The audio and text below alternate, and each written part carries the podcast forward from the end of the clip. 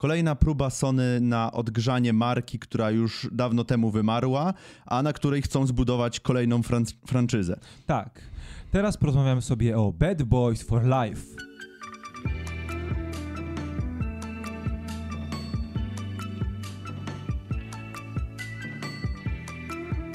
Cześć, witamy Was bardzo serdecznie. Tutaj Kamil. I Rafał. Dzisiaj porozmawiamy sobie o czymś, co mieliśmy nadzieję okaże się w miarę dobrym, rozrywkowym kinem, ale nie jesteśmy pewni, ja przynajmniej nie jestem pewny, co po seansie o tym filmie myśleć. Ja jestem bardzo Trzecia pewny. część Bad Boys, czyli Bad Boys for Life e, z Willem Smithem i e, Martinem Lorenzem.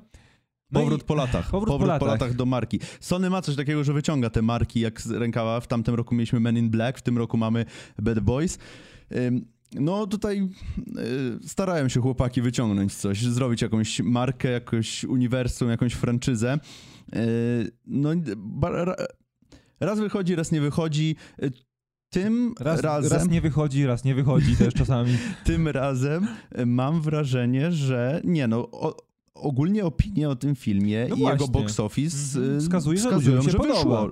Wskazuje, że wyszło, bo mamy y, drugi, specjalnie teraz sprawdzaliśmy przed, przed nagrywaniem, że mamy drugi tydzień z rzędu w amerykańskim bo, box office y, Bad Boys for Life na pierwszym miejscu. Ponad 200 milionów dolarów już zarobione na całym świecie.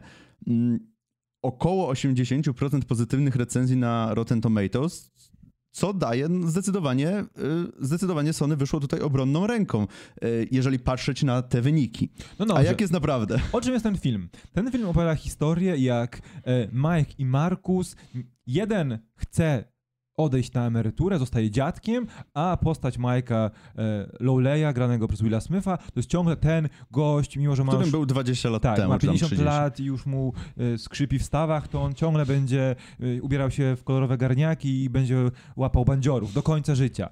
No i następuje rozłam w tej przyjaźni, no bo panowie chcą iść zupełnie, chcą od życia już czegoś zupełnie innego.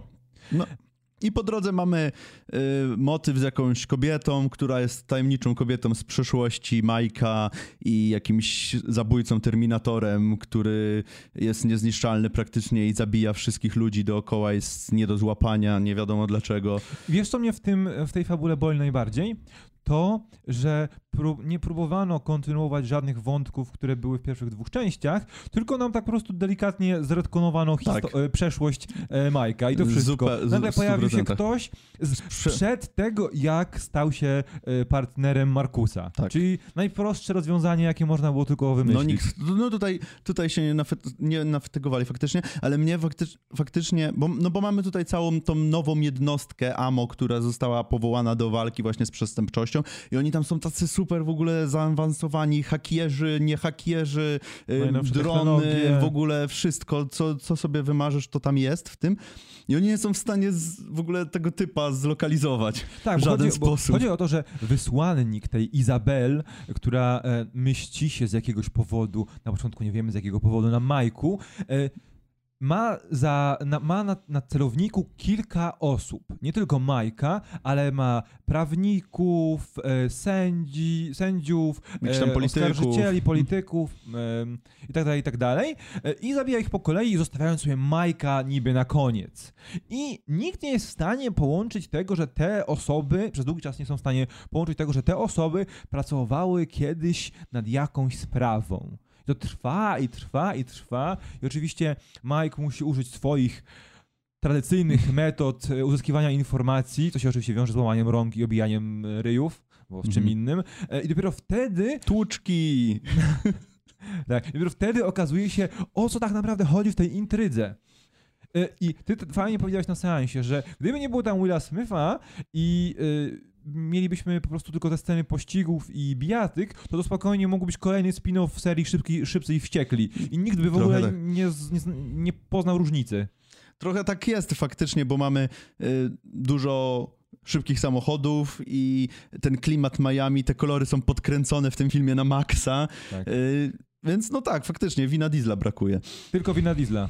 E, I, I oczywiście Roka.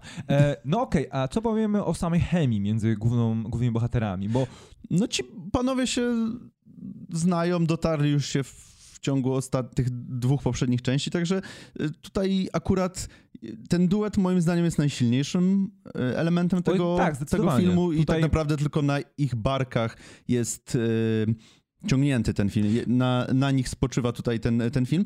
Y, Markus oczywiście jest tutaj bardziej tą taką komediową postacią, y, co też mi nie do końca gra, ale tak, no taki zamysł był Ja chciałem właśnie do tego dodać, że jakby oni od początku byli różni, ale tutaj w, tym, w tej części ich charaktery rozchodzą się jeszcze bardziej, więc to też Mhm. zupełnie e, inaczej e, działa na tych zasadach komediowych.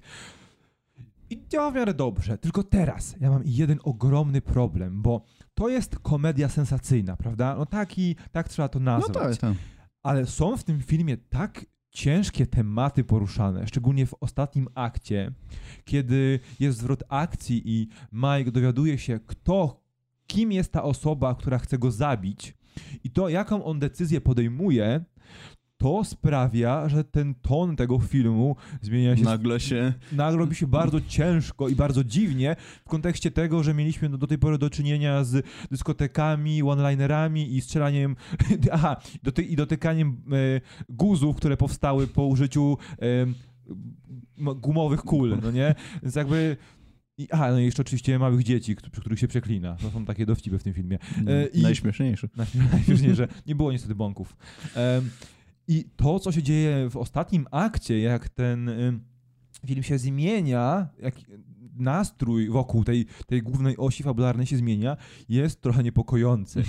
Ale, żeby nie było, na końcu dostajemy scenę po napisach. Tak, czyli oczywiście tutaj i patrząc na wyniki finansowe i przyjęcia tego filmu, to myślę, że tutaj możemy śmiało liczyć na kontynuację historii Majka i Markusa, no i właśnie no tej... właśnie, czy Majka i Markusa, bo jest prawdopodobieństwo, że ten duet nam się albo zmieni, albo rozszerzy. E, okaże się oczywiście, jeśli powstanie czwarta część Bad Ale Boys, ale o tym. Na razie ci. No i co, Rafale, czy chciałbyś, aby nasi widzowie poszli na ten Oczywiście, że tak. kina? Idźcie, bo to jest kawał świetnego akcyjniaka, który jest głupi jak but, ale daje niesamowitą rozrywkę, jak się siedzi na sali. O tym, że on jest głupi, to można sobie po pomyśleć później, po wyjściu z sali, ale y, w trakcie seansu tyle się dzieje, że ja się dobrze bawiłem. Tak, powiem wam powiem tak, że jeśli chodzi o te sekwencje em, akcji, to one są naprawdę spoko. I, bo jakby e, Bad Boys to jest jeden z tych e, kamieni milowych Michaela Beya, jeśli chodzi o reżyserię. Pierwsza część. Tak. To właściwie Michael Bay zbudował Willa Smitha, jakiego znamy go dzisiaj. I ten film rozpoczyna się kilkoma ujęciami w slow motion. Ja zastanawiałem się, czy oni naprawdę chcą skopiować styl e, Michaela Beya. Właśnie, bo tutaj duetem reżyserskim jest duet Adil El Arbi i Bilal Falah. E, nie mam pojęcia, kim są ci panowie, nieważne, e, ale tak się zastanawiałem, w jaką stronę to pójdzie, ale na szczęście w pewnym momencie odpuszczają. Ale jeżeli nie jesteście zachęceni, to sam Michael Bay występuje w tym filmie. Tak, dokładnie, dokładnie, to swoją drogą. Więc jakby y, sekwencje akcji są inne niż u Beya i to dobrze. I one też sprowadzają troszeczkę świeżości. Są głupie, jak właśnie w, we franczyzie Fast and Furious, wiadomo, ale są spektakularne. I to tak dobrze spektakularne. Więc jeśli chodzi o ten aspekt, to ten film daje radę. Dostarcza, na pewno. Dostarcza. Y, No i to od nas chyba tyle. Możecie sobie spokojnie pójść na Bad Boys for Life, jeśli oczekujecie tego typu rozrywki. E, A jeśli byliście, dajcie nam znać, co myślicie o tym, o tym filmie, bo bardzo nas interesuje, jak wy odbieracie ten typ powrotu e, po latach na duży ekran aktorów i franczyzy. Właśnie, i czy jesteśmy tylko w mniejszości, czy faktycznie yy, Jak pokazuje box komuś office, się, tak. no właśnie, czy komuś się może też tak nie podobał i podobał jednocześnie. Czekamy na was w komentarzach, a my widzimy się w kolejnych materiałach. Do Do zobaczenia. zobaczenia. Cześć.